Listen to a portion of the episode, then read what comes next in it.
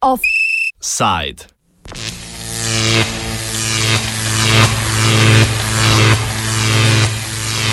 Energetika brez kompasa. To je že nekje že, že kar odločeno, da mi imamo napoved stavke pripravljeno. V petek bo poslana vladi, mi bomo v ponedeljek potem sklicali tiskovno konferenco.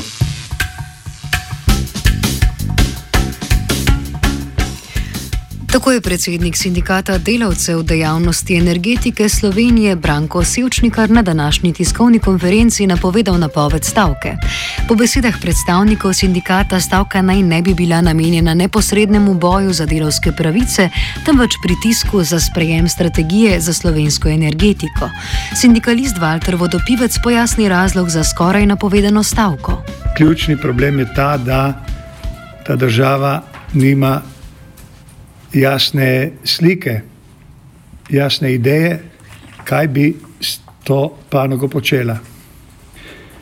Ker je temu tako, se potem eh, najdejo eh, med tistimi, ki imajo to možnost, da pač eh, vlečejo eh, poteze in odločitve, ki niso usklajene, ki niso v okviru nikakršne strategije ki eh, sledijo zgolj in samo trenutnim eh, ciljem, zelo kratkoročnim, da ne rečemo iz dneva v dan. Vodopivca pa dopolni sevčnikar. To eh, svojo, bom rekel, videnje poskušamo predstavljati eh, državi že od, eh, mislim, da prva stavka je bila leta 2000, taka v novejšem času 2010, eh, ki je bila tudi izvedena, tisti prvi del. Takrat smo potem z, tudi z sporazumom eh, se dogovorili za nek način usklajevanja pogledov, tako eh, lasnika, kot tudi naših. Eh, moram reči, da smo v tem času vršili kar nek dialog, eh, če, bolj ali manj intenziven ali kvaliteten, eh, vendar do današnjega dne nekih eh, tudi eh, Pa kljub temu, da smo še v letu 2014 z grožnjo eh, napovedi upozorilne stavke tudi dosegli nek sporazum, da bi pospešili te korake, eh, nismo uspeli, bom rekel, tiste najbolj odgovorne prepričati, da eh, pokaže svojo, bom rekel, svojo vlogo in pa pomeni pa, da pokaže, po kateri poti naj bi ta energetika šla.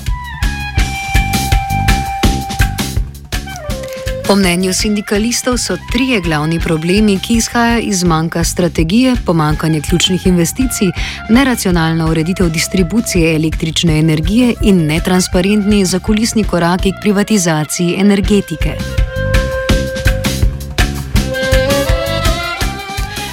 Kot razlog za manjko investicij v sindikatu navajajo neustrezen zakonodajni okvir v času prehoda na obnovljive vere energije, pojasni Sevčnikar zadnji energetski objekt je sicer znameniti blok 6, vendar drugače pa v slovenski energetiki, predvsem v omrežju ali pa prenosu, v zadnjih, bom rekel, desetih letih ni bilo nobene pomembnejše investicije. Naša ocena je, da prihaja do tega zmanjševanja investicijskega potencijala, predvsem zaradi tega, ker vse gospodarske družbe na področju elektrogospodarstva poslujejo v, bom rekel, poslovno neprijaznem okolju, kajti vse ostale energetske družbe v celi Evropski uniji so se v tem času, ko je nek normalen prehod na obnovljive vire, eh, usposobile skozi eh, politiko subvencioniranja obnovljivih virov do takšne mere, da so te naše družbe zdaj tako proizvodne, kot tudi distribucijske eh, skoraj nekonkurenčne in zaradi tega smatramo, da je to eh, potrebno urediti skozi zakonodajne postopke. Izpostavljajo tudi preplačan kredit, ki ga je najel holding slovenskih elektrarn in s katerim naj bi letno izgubili 4,5 milijona evrov. Gorast Marinček pa kot enega izmed razlogov navaja še preplačani projekt T6, ki pa ga vodstvo sindikata podpira. Vodstvo sindikata energetikov zelo dobro pozna zgodbe z uh, termoelektrarno Šoštan, blok 6 in eh, koliko je ta investicija preplačana in da je okrog 400 milijonov preplačana investicija in teh 400 milijonov, seveda, če ne bi bilo preplačanih, je lepa podlaga za nekaj uh, elektraren na srednji Savi, naprimer, če že govorimo o investicijah. Po drugi strani je pa res, da nam manjka energetska strategija. To je pozitivno v tej, rečva, grožnji. Nadaljni simptom manjka strategije je tudi ohranjanje sistema distribucije električne energije, za katerega je tudi računsko sodišče ugotovilo, da je neučinkovit.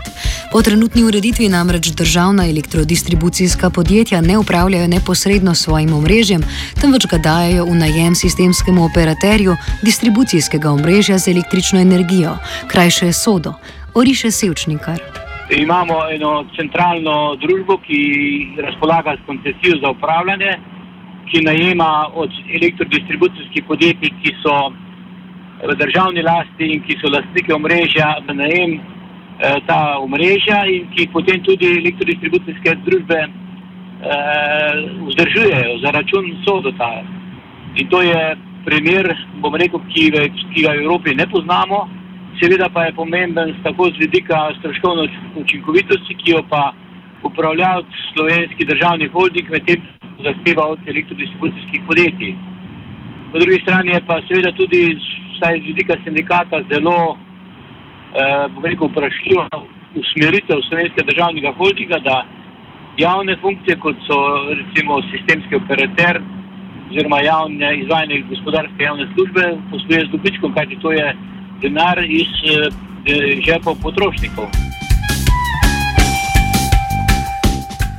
Sevčnikarja dopolni še vodopivec. Že od leta 2010 se ukvarjamo z vprašanji organiziranosti ali pa izvajanjem eh, dejavnosti sistemskega operaterja distribucijskega omrežja, ko je računsko sodišče večkrat ugotovilo, da je sedanja ureditev Eh, neprimerna, nekonsistentna, neracionalna, ne, ne vem kaj še vse z velikimi neji. Bi rekel, neracionalnost se kaže tudi v tem, da se ta sredstva namenja za podvajanje funkcij, kar ne prinese k učinkovitosti izvajanju eh, te službe, ampak k večjemu eh, povzroča dodatne obremenitve tako zaposlenim v distribucijah, kot tudi financerjem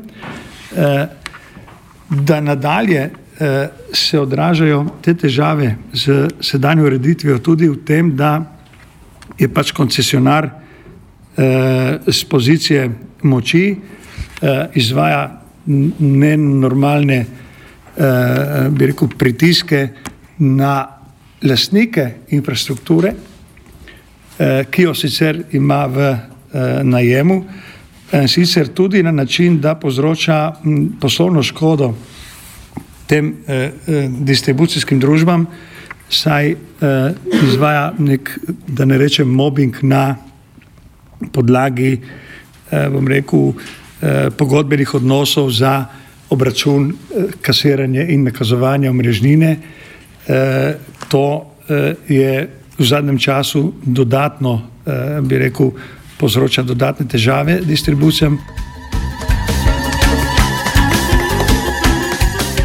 Pomankanje strategije v energetiki pa predstavlja tudi možnost za zakulisne korake v smeri privatizacije. V to so upletena tako domača kot tuja podjetja. Med slednjimi je dejavn predvsem nemški RVE, katerega dobiček je približno tolikšen kot celoten promet holdinga slovenskih elektrarn. Sevčnikar opiše nekaj primerov nečednih poslov. Predvsem bi tu uh, na distribucijskem delu uh, se omejil na družbo elektro, uh, celje energija oziroma elektro, celje elektrogorenska, pa skupna družba, ki je podpisala pogodbo o nameri z avstrijskim Kelagom, ki je v, stri, ki je v posrednji rasti, lasti z RVM. Potem se tukaj v, v zadju uh, prevzema te distribucijske trgovalne družbe elektroenergija strani GNI-ja dogajajo razne privatne zgodbe. Konzorci privatnih lastnikov poskuša ta del, ki je v lasti petrola. Na predhodnem delu pa je vse skozi prisoten RV, ki je tudi eh, nekšen, nekakšen stalni, eh, rekel, svetovalec v skupini HSE, kar je z našega velika popolnoma nespremljivo, da ti konkurenci na evropskem trgu daješ na razpolago vse podatke o poslovanju svoje družbe in to kaže na očitno določene namene pri privatizaciji slovenske energetike. Apetite tujih podjetij po slovenski energetiki pojasni Marinček. Ta zgodba se uh, greje oziroma ta žirjavca je recimo 3-4 leta stara in uh, takrat se je govoril, da bi uh, eden od teh velikanov energetskih, ki ste jih omenili, uh, prevzel uh, cel HSE, seveda zaradi tega, ker je znotraj HSE tudi nekaj kur, ki nose zlata jajca. Eh, torej najbolj taka, eh, bi rekel, kura, ki nos, bom rekel, eh, kar nojeva jajca je recimo, so recimo dravske elektrarne. In tudi, ker se vedno več elektrike po svetu prodaja z zelenim certifikatom, to pomeni, da je iz obnovljivih virov, so skratka, imajo torej, boljši tržni položaj vsi, ki prodajajo zeleno elektriko, to je pa po defaultu iz, iz vodnih elektrarn.